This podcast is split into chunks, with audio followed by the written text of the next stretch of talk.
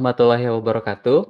Halo sahabat Mutiara, ya berjumpa lagi bersama saya Agus Garisman pada acara Temu Tani Online. Jika pada episode-episode sebelumnya sahabat Mutiara ditemani oleh Bapak Ermain, maka pada episode kali ini saya yang akan menemani sahabat Mutiara untuk belajar tani, terutama mengenai budidaya uh, apel. Seperti biasa, sahabat Mutiara, pada kesempatan kali ini saya tidak akan sendiri, Ya, kali ini saya ditemani oleh, eee, rekan saya yang jauh dari Jawa Timur, yaitu Mas Rizky, yang nanti akan presentasi mengenai, eee, budidaya apel Malang. Yang ternyata tidak hanya dibudidayakan di Malang saja, akan tetapi seperti di Pasuruan dan Kota Batu juga, eee, apel tersebut dibudidayakan.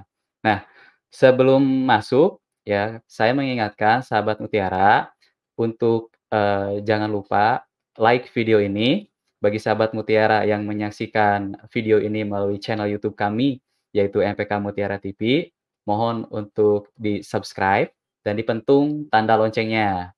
Nah, sahabat Mutiara juga bisa bergabung di grup Telegram kami, yaitu yang pertama adalah grup Telegram komunitas MPK Mutiara, yang uh, sahabat Mutiara bisa berdiskusi mengenai program pemupukan konvensional. Nah, yang kedua adalah grup Telegram Hidroponik Mutiara. Nah, bagi sahabat Mutiara yang tertarik berdiskusi mengenai uh, hidroponik dan produk-produk hidroponik, maka silahkan bergabung di grup Telegram uh, Hidroponik Mutiara. Nah, supaya tidak lama lagi, saya mungkin langsung uh, sapa ke Mas uh, Rizky ya. Mas Rizky, apa kabar? Halo, Mas. Oke. Ya. Oke, suaranya jelas ya. Jelas suara saya Mas Rizky? Jelas, jelas, jelas. Oke, siap. Sehat Mas Rizky? Alhamdulillah baik. Gimana kabarnya yang Garis? Sehat, alhamdulillah sehat juga ya. Kapan silakan Mas Rizky, boleh nanti sapa sahabat Mutiara dan silakan mulai presentasinya. Oke, sekarang ya. Wah iya sekarang. boleh silakan.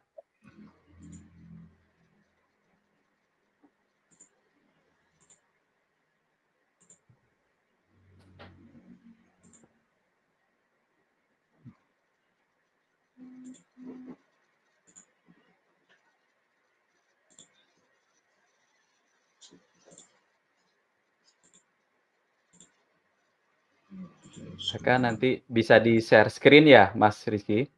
Ya, sudah ya. Hmm, silakan. Oke, selamat sore sahabat Mutiara. Assalamualaikum warahmatullahi wabarakatuh. Salam sejahtera bagi kita semua. Perkenalkan, nama saya Muhammad Rizky Avandi, uh, agronomis PT Merauke Tetap Jaya, wilayah Malang Raya.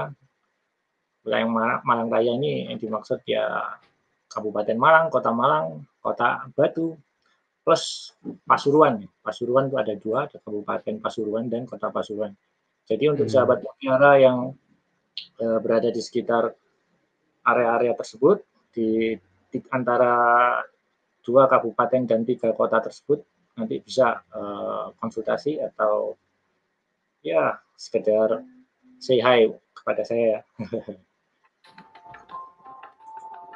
Oke, okay, uh, eh, saya di sini akan me menyampaikan tentang uniknya budidaya apel Malang. Uh, uniknya apa budidaya apel Malang ya? Karena uh, apel ini bukan tanaman tropis, jadi apel ini adalah tanaman subtropis ya, termasuk tanaman introduksi. Dia berasal dari uh, Eropa, jadi dibawa ke Indonesia dan memang bisa hidup di beberapa tempat saja di Jawa Timur dan tidak semuanya. Dan kebetulan di area saya di Malang dan Pasuruan, plus Kota Batu itu uh, bisa hidup dan berbuah produksi dengan cukup bagus. Oke, sebelumnya saya akan mencoba uh, bercerita sedikit tentang Provinsi Jawa Timur. Provinsi Jawa Timur ini adalah provinsi yang terletak di ujung timur Pulau Jawa, ya, jadi provinsi yang paling ujung timur di Pulau Jawa. Sekarang dipimpin oleh Ibu Gubernur, Ibu Gubernur Kofifah, dengan luasan wilayah 47.800 km persegi, dan terdiri dari kabupaten kotanya ada 29 kabupaten dan 9 kota media. Jadi total ada 38 ya. Batang dengan batas wilayah sebelah utara adalah Laut Jawa, di utaranya juga ada Pulau Madura yang termasuk dalam Provinsi Jawa Timur. Di ujung timurnya berbatasan dengan Selat Bali. Di ujung selatannya ada Samudra Hindia dan di sebelah baratnya ada Provinsi Jawa Tengah. Jadi kalau misalnya eh, sahabat mutiara dari Jawa Timur, eh, selamat mengikuti TTO kali ini. Oke, uh, saya lanjut. Jawa Timur identik dengan keindahan alam Gunung Bromo. Nah, kalau bicara Jawa Timur, bisa kita bicara juga tentang potensi wisatanya. Jadi wisata salah satu wisata andalan di Jawa Timur adalah Gunung Bromo, di mana Gunung Bromo ini uh, dipecah jadi empat, uh, masuk ke dalam empat kabupaten ya. Ada Kabupaten Malang, Kabupaten Masuruan, Kabupaten Lumajang, dan Kabupaten Probolinggo. Jadi Gunung Bromo ini dimiliki oleh empat kabupaten. Ada batasnya. Kalau sahabat Mutiara main ke Gunung Bromo nanti tahu. Jadi memang Gunung Bromo ini sangat indah sekali. Uh, gunung yang ada di dalam gunung. Jadi dulu ada gunung setinggi 4000 meter lalu terjadi erupsi. Lalu di tengah-tengah erupsinya itu muncul gunung-gunung baru. Salah satunya yang masih aktif ini Gunung Bromo dengan ketinggian sekitar 2.200 meter di atas permukaan laut. Di belakang Gunung Bromo adalah gunung, uh, di belakang background ini adalah Gunung Semeru, salah satu gunung tertinggi di Indonesia ya, 3.600 gunung tertinggi ya, gunung tertinggi di Indonesia, lebih dari 3.600 meter di atas permukaan laut. Dan uh, sekarang kita bicara apel di salah satu eh, penghasil apel terletak di lereng Gunung Bromo, yaitu di kawasan Nongko Jajar. Nongko Jajar ini eh, terkenal di Pasuruan sebagai penghasil sayur mayur dan apel, karena memang ketinggian tempatnya lebih dari 1000 meter di atas permukaan laut di Kecamatan Turtur dan Kecamatan Puspo. Nanti akan kita bahas lebih lanjut. Oke, Jawa Timur identik dengan buah apel. Nah, karena selama ini di Indonesia, kalau kita bicara apel lokal, pasti uh, satu lokasi yang didengar yang di mana pikiran kita tertuju pasti di Malang. Padahal sebenarnya uh, budidaya apel Malang itu tidak hanya dilakukan di uh, Malang saja. Uh, apel juga dibudidayakan di Pasuruan ya. Tapi yang lebih terkenal memang apel Malang karena uh, salah satu destinasi wisata yang paling terkenal adalah yang di Malang, terutama di Batu. Oke, okay. sebenarnya apel ini juga bisa di budidayakan di tempat lain, tapi memang eh, hasil dan buahnya tidak sebagus di Malang ataupun Pasuruan. Oke, seperti yang saya ceritakan tadi, apel memang tidak hanya dibudidayakan di Malang saja, namun juga dibudidayakan di Kota Batu dan Kabupaten Pasuruan. Khusus untuk Kota Batu, Kota Batu adalah mantan ya, mantan kecamatan di Kabupaten Malang. Setelah itu eh, Kota Batu memperluas ya memperluas untuk uh, mereka membuat uh, kota sendiri ya akhirnya pisah dengan Kabupaten Malang dengan nama kota administratif Batu dulu jadi sebenarnya kota Batu itu termasuk Malang juga termasuk ke dalam Malang Raya ya Kabupaten Malang Kota Malang dan Kota Batu itu yang disebut Malang Raya dan juga Kabupaten Pasuruan ada tiga jenis apel yang umumnya dibudidayakan di wilayah ini. Ya. Apel apa saja ini? Nah, mungkin di pasaran sudah banyak dikenal apel Malang. Mungkin yang terkenal apel Malang adalah apel mana lagi, padahal tidak hanya itu. Nah, yang pertama ini adalah apel mana lagi yang sering kita jumpai di pasaran ya. Eh, jenis apel mana lagi ini buahnya cenderung bulat dengan rasa manis, dominan manis karena mungkin bisa dibilang rasanya cuma manis dan daging buahnya keras untuk warnanya hijau cerah kekuningan. Kalau sebelum matang warnanya hijau, hijau-hijau agak gelap. Tapi setelah matang warnanya agak kekuningan. Dan kalau misalnya sudah warna kuning itu hampir bisa dipastikan warna e, rasanya itu manis sekali. Manis. Lalu kita lihat lagi ini jenis kedua, apel ana. Apel ana ini bentuknya seperti yang bisa sahabat mutiara lihat, e, bentuknya agak lonjong, agak lonjong dengan rasa kombinasi asam dan manis. Daging buahnya lunak, cenderung masir dan warna kuning cerah kemerahan. Ini uh, perpaduan rasa asam dan manisnya ini seperti seger ya. Orang-orang orang uh, pecinta apel ini kalau suka ada asam-asamnya mending pilih Ana. Kalau saya secara pribadi suka Ana karena ada seger-segernya, ada asam-asamnya, nggak cuman manis dan uh, tekstur dagingnya lebih lunak, lebih masir, jadi digigit itu lebih mudah. Lalu ada jenis ketiga yaitu apple rom beauty. Apple rom beauty ini e, bentuknya mirip apel mana lagi, tapi pada umumnya biasanya ukurannya lebih besar ya. Dengan cita rasa sedikit masam dan dagingnya lebih keras daripada dibandingkan apel ana ya. Dan yang unik di uh, apple rom beauty ini warnanya hijau bercampur dengan semburan warna merah. Nah, ini uniknya Room Beauty. Ini ada asam-asamnya, jadi lebih mirip ke apel mana lagi, tapi ini ada masamnya. Dan tekstur dagingnya lebih lembut daripada uh, apel mana lagi, kalau untuk Room Beauty ini. Oke, untuk sentra produksi tanaman apel di Jawa Timur kebetulan ada dua, Eh, kabupaten dan satu kota madya. Untuk di sebelah kiri layar Anda di Kabupaten Pasuruan terletak di Kecamatan Puspo dan Kecamatan Tutur. Ini uh, biasa orang dikenal daerah Nongko Jajar di ketinggian 1000 sampai 1300 meter di atas permukaan laut. Untuk wilayah Kabupaten Malang ada beberapa titik Nah, kalau misalnya di Pasuruan ini terletak di lereng Gunung Bromo, di Pasuruannya untuk Kabupaten Malangnya yang di lereng Gunung Bromo terletak di Kecamatan Guru Kelakah. Nah, juga ada juga yang di lereng Gunung Arjuno itu di Kota Batunya, Kota Batu. Ini masuk di peta wilayah Kabupaten Malang. Juga ada satu lagi di Kecamatan Pujon, Kecamatan Pujon di sebelah utaranya, Malang bagian utara. Eh, rata-rata uh, ketinggian untuk uh, tanaman apel sendiri yang paling cocok untuk saat ini adalah di atas 1000 meter di atas permukaan laut. Dan kebetulan uh, Balai Penelitian Jeruk dan Tanaman Subtropis yang salah satunya adalah cakupan mencakup tanaman apel juga berada di Kota Batu, di ketinggian sekitar 900 sampai 1000. Itu Nah, untuk sejarah tanaman apel di Indonesia sendiri diawali ini dari beberapa sumber yang saya dapatkan tahun dimulai dari tahun 1934 pertama kali ditanam di Desa Tebo, Kecamatan Pujon, Kabupaten Malang. Lalu di tahun 53 mendatakan beberapa varietas untuk ditanam, salah satunya Room Beauty yang sekarang umum ditanam. Dan di tahun 1960 mulai ditanam di Kecamatan Batu, menggantikan jeruk yang banyak terserang penyakit. Nah, ini tahun 60 dengan tahun sekarang Eh, kebalikannya. Kalau dulu tahun 60 apel yang menggantikan jeruk, kalau mulai sekarang, mulai sekitar tahun 2000 eh, 2010 ya, 2010 trennya berganti.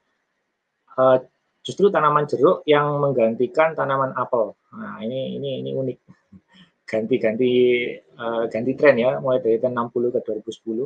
Terus lanjut di tahun 1988 di mana puncak kejayaan apel di Jawa Timur tercatat uh, tercatat ada 9 juta lebih pohon dan mulai pada tahun 2004 penurunan populasi hingga 4 juta 361.184 pohon yang sedang dikelola dengan pohon produktif hanya 2 juta 900 sekian. Ini saya data yang saya dapatkan dari BPS tahun 2018. Ini ada uh, tren menurun dari uh, populasi apel. Ini diakibatkan karena beberapa hal.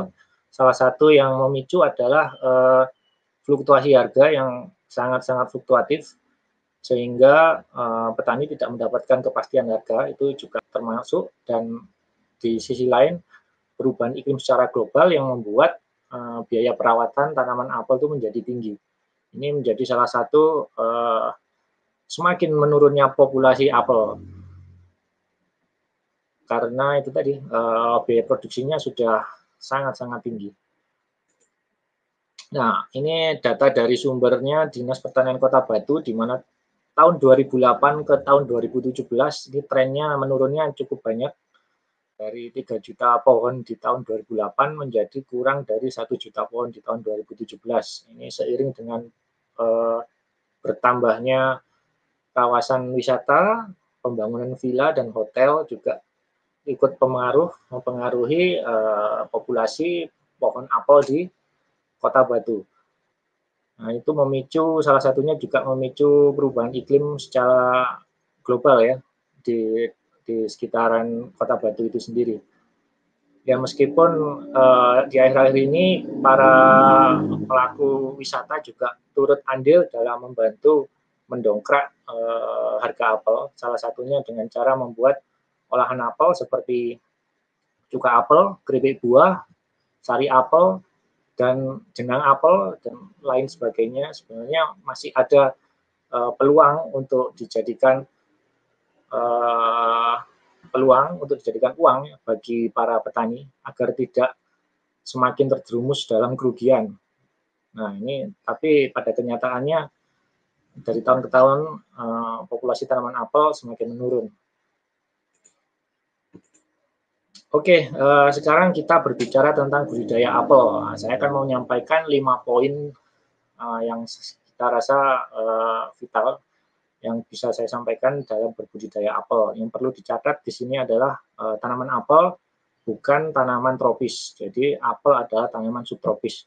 Jika mengintroduksi tanaman subtropis ke tanaman uh, ke iklim tropis, maka harus ada beberapa konsekuensi yang uh, dilakukan untuk penyesuaian uh, pohon apel itu sendiri. Yang pertama syarat tumbuh dengan uh, pohon apel itu sendiri yang paling cocok di elevasi atau ketinggian 1000 sampai 1500 meter di atas permukaan laut dengan suhu range suhu 16 sampai 27 derajat Celcius. Sebagaimana di negara-negara uh, dengan subiklim uh, subtropis dengan iklim subtropis ini penyesuaiannya di suhu terutama ya. Jadi apel itu butuh uh, suhu yang rendah atau dingin. Jika apel ditanam, jika ada pertanyaan dulu, uh, apel apakah bisa ditanam di pesisir di dataran rendah? Sebenarnya bisa. Cuma yang jadi masalah apakah bisa berbuah? Nah, itu masih belum uh, belum bisa sepertinya karena apel butuh uh, suhu yang rendah. Dan ketika suhu rendah itu di mana? Yang ditemukan di pegunungan.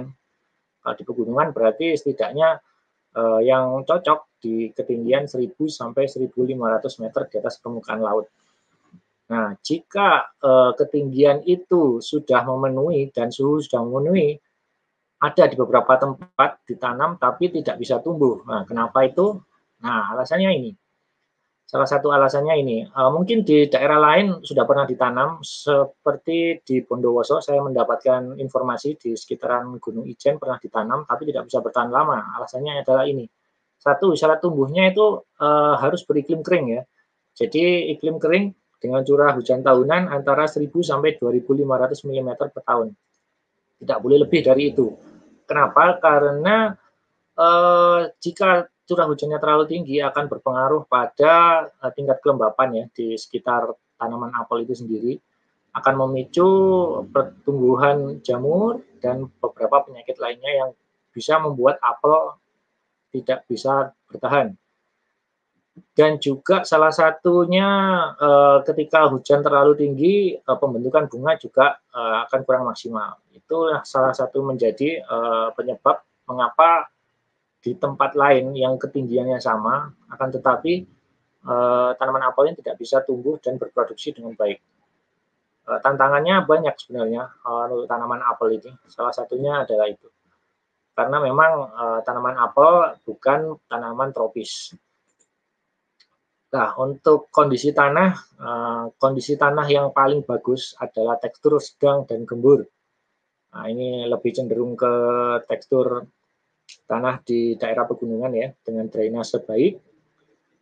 Yang tekstur sedang itu maksud ya ada sedikit pasirnya, jadi untuk mempermudah penetrasi akar sehingga akar bisa tumbuh dan berkembang untuk menyerap uh, menyerap unsur hara dan sebagai pencengkramnya ya untuk menjadi lebih baik dan drainasenya harus baik ya, tidak boleh uh, banjir dengan pH tanah kisaran 5,5 sampai 7. Ini sangat penting karena uh, pohon apel juga uh, perlu unsur hara agar selalu tersedia dan untuk mencapai satu siklus uh, pembuahannya untuk jarak tanam yang ideal itu adalah 3 kali 3 atau 3 kali 3,5. Pada umumnya eh, petani demikian jarak tanam yang paling ideal ya.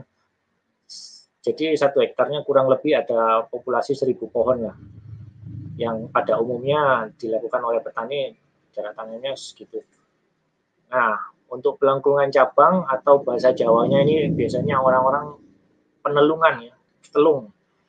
Ini fungsinya satu untuk mendorong munculnya tunas generatif cabang lateral. Nanti ada gambarnya yang di atas ini uh, akan tumbuh uh, tunas generatif. Jadi uh, ketika ditelung nanti akan tumbuh, akan merangsang pertumbuhannya. Kalau tidak ditelung, nah nanti hubungannya sama penataan tajuk. Nah ini pembentukan kerangka tajuk kalau dibiarkan tumbuh maka eh, tanpa ditelung nanti akan tumbuh ke atas tidak tidak tidak akan kurang maksimal dalam eh, produksi maupun pertumbuhan vegetatifnya. Nah, dengan syarat diameter batang setidaknya 1 sampai 2 cm. Nah, ini adalah salah satu contoh hasil pelengkungan cabang yang dilengkari putih. Ini adalah hasilnya uh, ketika batang sudah uh, terpicu dan akan mengeluarkan uh, cabang tunas-tunas generatif ya, yang nanti akan menjadi bakal bunga untuk menjadi buah. Nah, ini uh, ini yang uh, menjadi unik di Indonesia karena Indonesia hanya memiliki dua musim, beda dengan uh, di iklim subtropis yang memiliki empat musim. Karena di Indonesia hanya memiliki dua musim, hujan dan kemarau saja, Beda dengan iklim subtropis. Kalau subtropis kan ada musim gugurnya. Nah, kalau musim gugur, ini nanti eh, daun dari pohon apel ini akan gugur sendiri. Nah, kenapa kok harus digugurkan? Ini adalah satu catatan bahwasanya apel itu akan berbunga jika setelah melewati masa gugur. Nah, kalau di Indonesia yang tidak ada musim gugur, maka eh, digugurkan secara paksa. Ada dua cara pengguguran ini dinamakan defoliasi ya bahasa ilmiahnya. Jadi ada dua cara. Salah satu caranya yang saya akan coba jelaskan adalah ini dengan cara dispray. Dispray, dispray pakai apa? Pakai pupuk nitrogen dan ZPT ya dengan bahan aktif etopon. Ini fungsinya untuk uh, pupuk nitrogennya berfungsi untuk membakar dan etofonnya untuk merangsang pertumbuhan tunas generatif dengan cara dispray, dispray secara uh, merata di setiap uh, daunnya. Ini fungsinya untuk membakar. Jadi eh, fungsinya pupuk nitrogen ini untuk membakar sebenarnya. Nah, kalau setelah, setelah terbakar nanti akan lebih mudah untuk uh, menggugurkannya. Nah, untuk yang kedua, defoliasi atau perompesan secara manual. Nah, ini dengan cara dirontokkan hingga tidak bersisa. Nanti akan ada di video yang akan ditampilkan ini cara perompesan secara manual ya. Jadi kita petikin daun-daunnya satu persatu sampai gundul seperti ini. Dan pemberian hidrogen pada ujung knob ini untuk e, merangsang pertumbuhan tunas generatifnya yang akan menjadi bakal bunga dan buah apel. Dari dua e, cara pengguguran secara manual maupun spray ini ada plus minusnya ya kalau bisa saya sebutkan untuk yang manual ini, yang manual ini kelebihannya eh, dia tidak ada efek sampingnya dibandingkan yang display. Kalau display itu efek sampingnya ada karena eh, spray dari pupuk nitrogen itu akan mempengaruhi performa tanamannya. Jadi tanamannya bisa jadi eh, lebih rentan terhadap penyakit karena terkena pupuk nitrogen. Dan kekurangannya, kekurangan untuk manual ini di kos produksi karena harus dirontokkan secara manual. Jadi eh, tenaga kerja yang dibutuhkan jelas lebih banyak daripada display. Karena satu persatu jika tanaman apelnya sudah cukup besar dengan tajuk yang cukup eh, lebar, ini akan butuh waktu yang lebih lama juga. Nah, ini perlu dihitung. Memang untuk jangka depannya lebih bagus. Tapi itu tadi yang menjadi catatan eh, akan meningkatkan kos produksi. Jadi nanti eh, tergantung kepada petani eh, yang lebih cocok yang mana. Tapi kalau menurut petani-petani yang berpikiran ke depan, jadi defoliasi secara manual ini adalah yang menjadi pilihan. Oke, yang kedua adalah penjarangan buah. Jadi jumlah bunga di tanaman apel di tunas generatifnya itu setidaknya ada 6 sampai 7 per knop. Knop ini yang dimaksud knop adalah tunas generatif. Ah, ada yang dibiarkan utuh dan ada yang disisakan 3 sampai 4. Ya, yang direkomendasikan memang biasanya disisakan antara 2, 3 dan 4.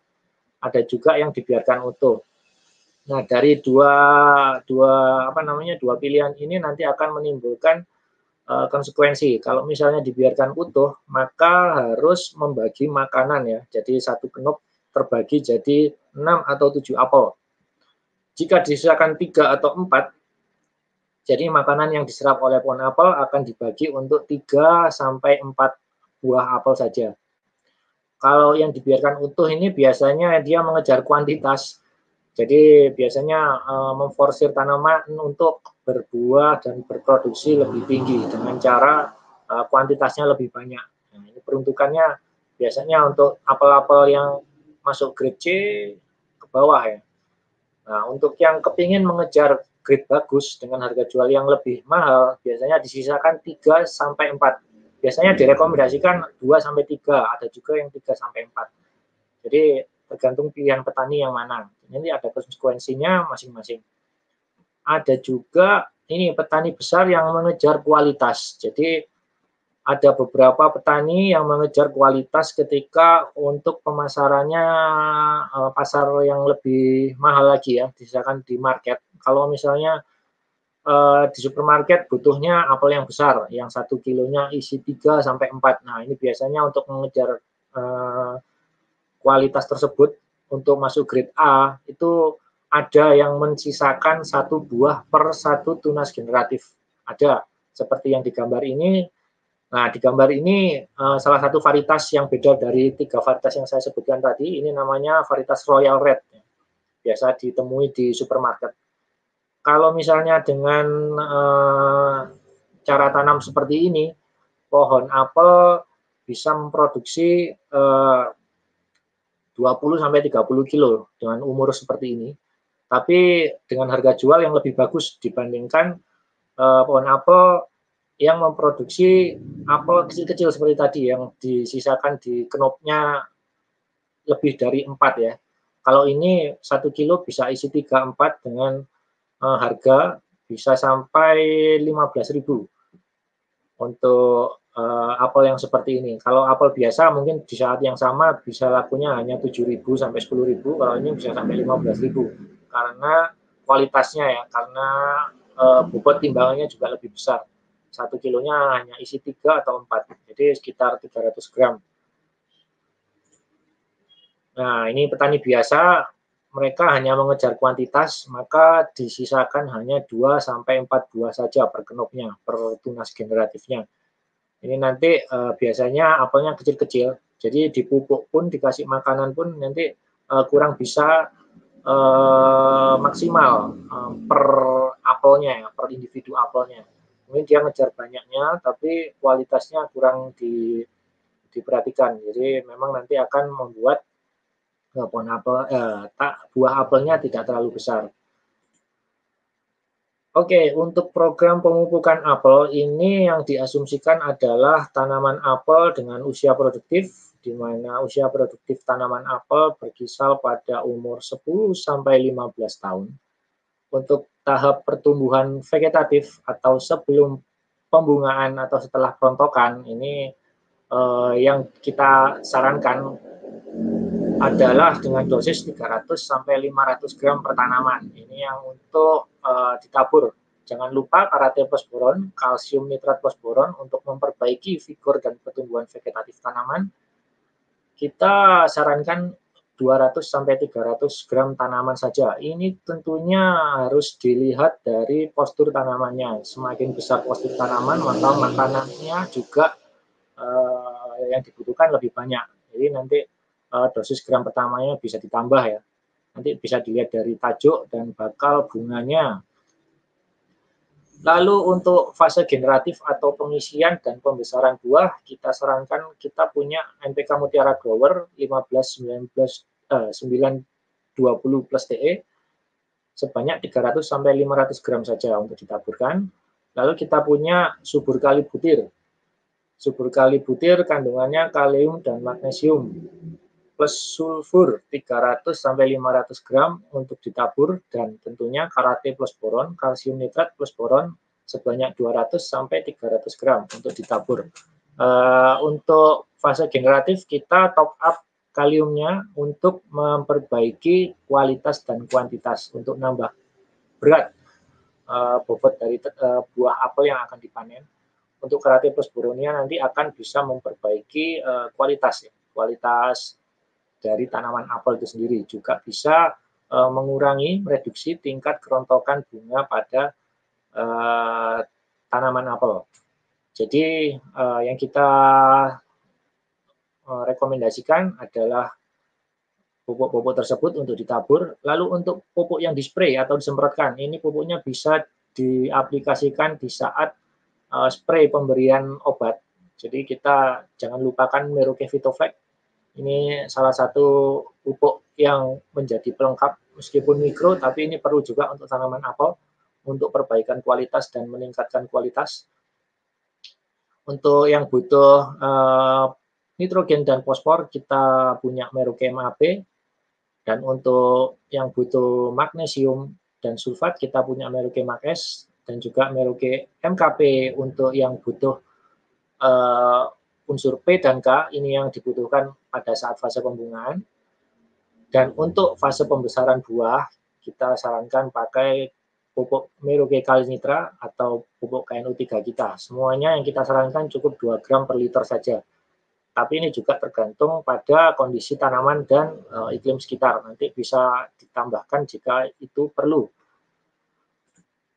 Untuk program pemupukan apel secara spray, kita juga punya pupuk majemuk yang dispray. Untuk pertumbuhan daun dan tunas, kita punya profit hijau, kandungan nitrogen tinggi, dan ada P plus K-nya, plus MGO dan unsur bawaan mikro. Untuk fase pembungaan, kita punya profit merah dengan uh, P yang lebih tinggi dibandingkan profit hijau. Untuk pembesaran buah, kita sarankan pakai profit orange, dengan kandungan kalium yang lebih tinggi dibandingkan pupuk NPK profit yang lainnya dengan kandungan kaliumnya 39. Ya, ini ketika masuk masa generatif berarti unsur kalium juga harus ditambah untuk perbaikan kualitas dan kuantitas tadi. Uh, lalu untuk pematangan buah kita punya produk terbaru dari PT Meruke namanya Profit Maxi dengan kandungan 62738 N nitrogen 6, P27 dan kaliumnya 38% plus TE. Dan kita rekomendasikan setiap 2 sampai 4 minggu sesuai kesuburan tanamannya. Jadi nanti dilihat dari uh, performa tanaman juga. Untuk pematangan buah kita sarankan uh, pakai Profit Maxi saja. Setelah pembesaran buah pakai Profit Orange. Oke, sahabat Mutiara, terima kasih sekian presentasi dari saya. Jika ada yang kurang berkenan, mohon maaf waktu saya kembalikan kepada Pak Garis. Monggo Pak Garis. Oke, terima kasih banyak Mas Rizky atas presentasinya. Nah, sahabat Mutiara, mungkin kita akan break dulu uh, sejenak supaya nanti kita kembali ke sesi Q&A. Ya, Mas Rizky-nya juga udah segar bisa menjawab pertanyaan-pertanyaan yang sudah masuk ya uh, melalui kolom komentar. Jadi bagi sahabat Mutiara yang ingin uh, berkomentar maupun bertanya, silakan tulis komentar dan pertanyaannya di kolom komentar. Eh, kita kembali sudah berikut.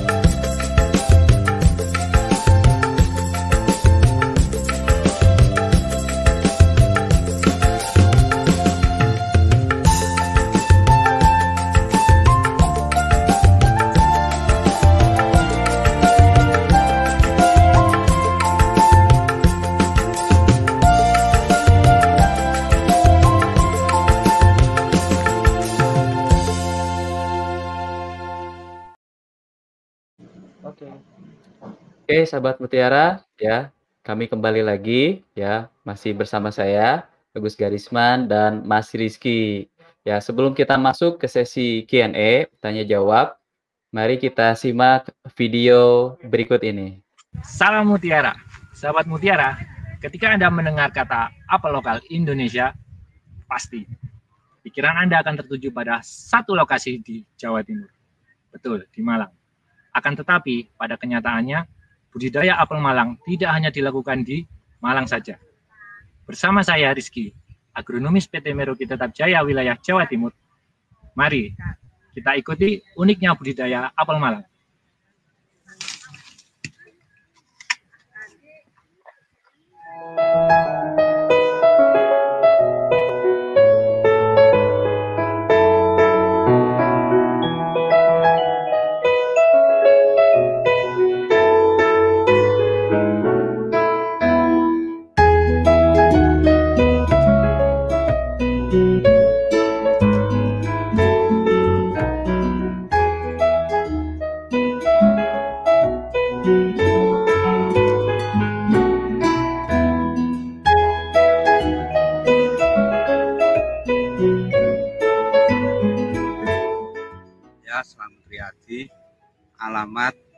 Desa Andonosari, Kecamatan Tutur, Nongko Jajar, Kabupaten Pasuruan. Perbedaan bertani yang dulu dengan sekarang sangat beda sekali, mulai dari eh, produksi sampai perawatan.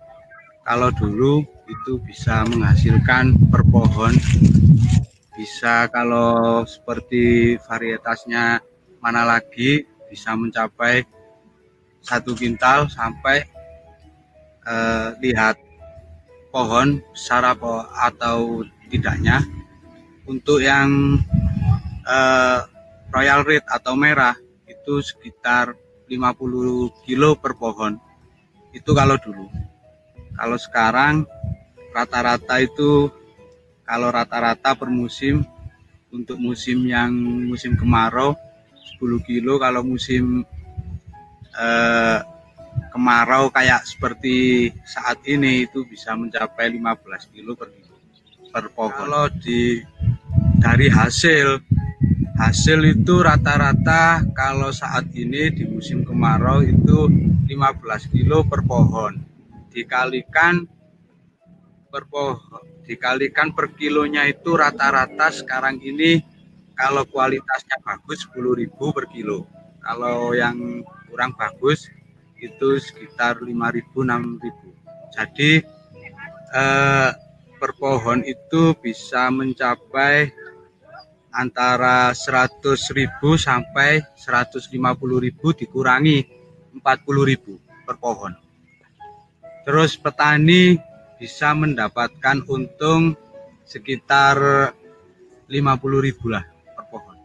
Apel yang dibudidayakan sementara ini di Nojajar ini ada tiga macam. Rain Beauty apel mana lagi sama pelana hmm. kalau Rain Beauty ini agak besar. Ini agak hijau tapi ada warna merah. Rasanya asam manis.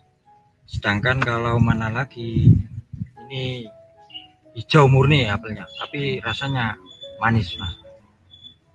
Kalau apel lana ini ini rasanya asam tapi segar gitu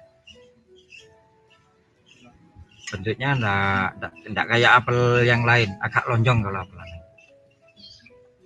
kalau mayoritas dari Noko Jajar ini store apelnya itu rata-rata ke Malang.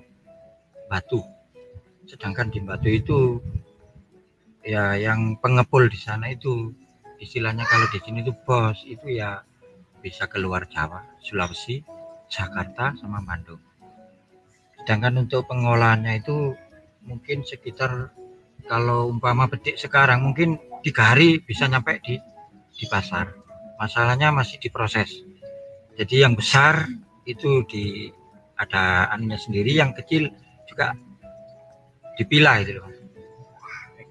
Packing. Budidaya apel dimulai dari perompesan atau pengukuran daun. Pengukuran daun ada dua macam cara yaitu secara manual dan berangsang secara manual yaitu pengambilan daun satu persatu dengan tangan. Setelah selesai perompesan diberi ZP, ZPT. Yang kedua, cara yang kedua itu pemberian eh, penyemprotan dengan pupuk nitrogen sama zat bahan aktif etefon yang dilakukan dalam air lalu disemprotkan. Perawatan selanjutnya yaitu dilakukan penyemprotan fungisida dan insektisida sesuai kebutuhan tanaman. Perawatan selanjutnya yaitu pemberi, pememukan secara berimbang antara unsur hara makro dan mikro.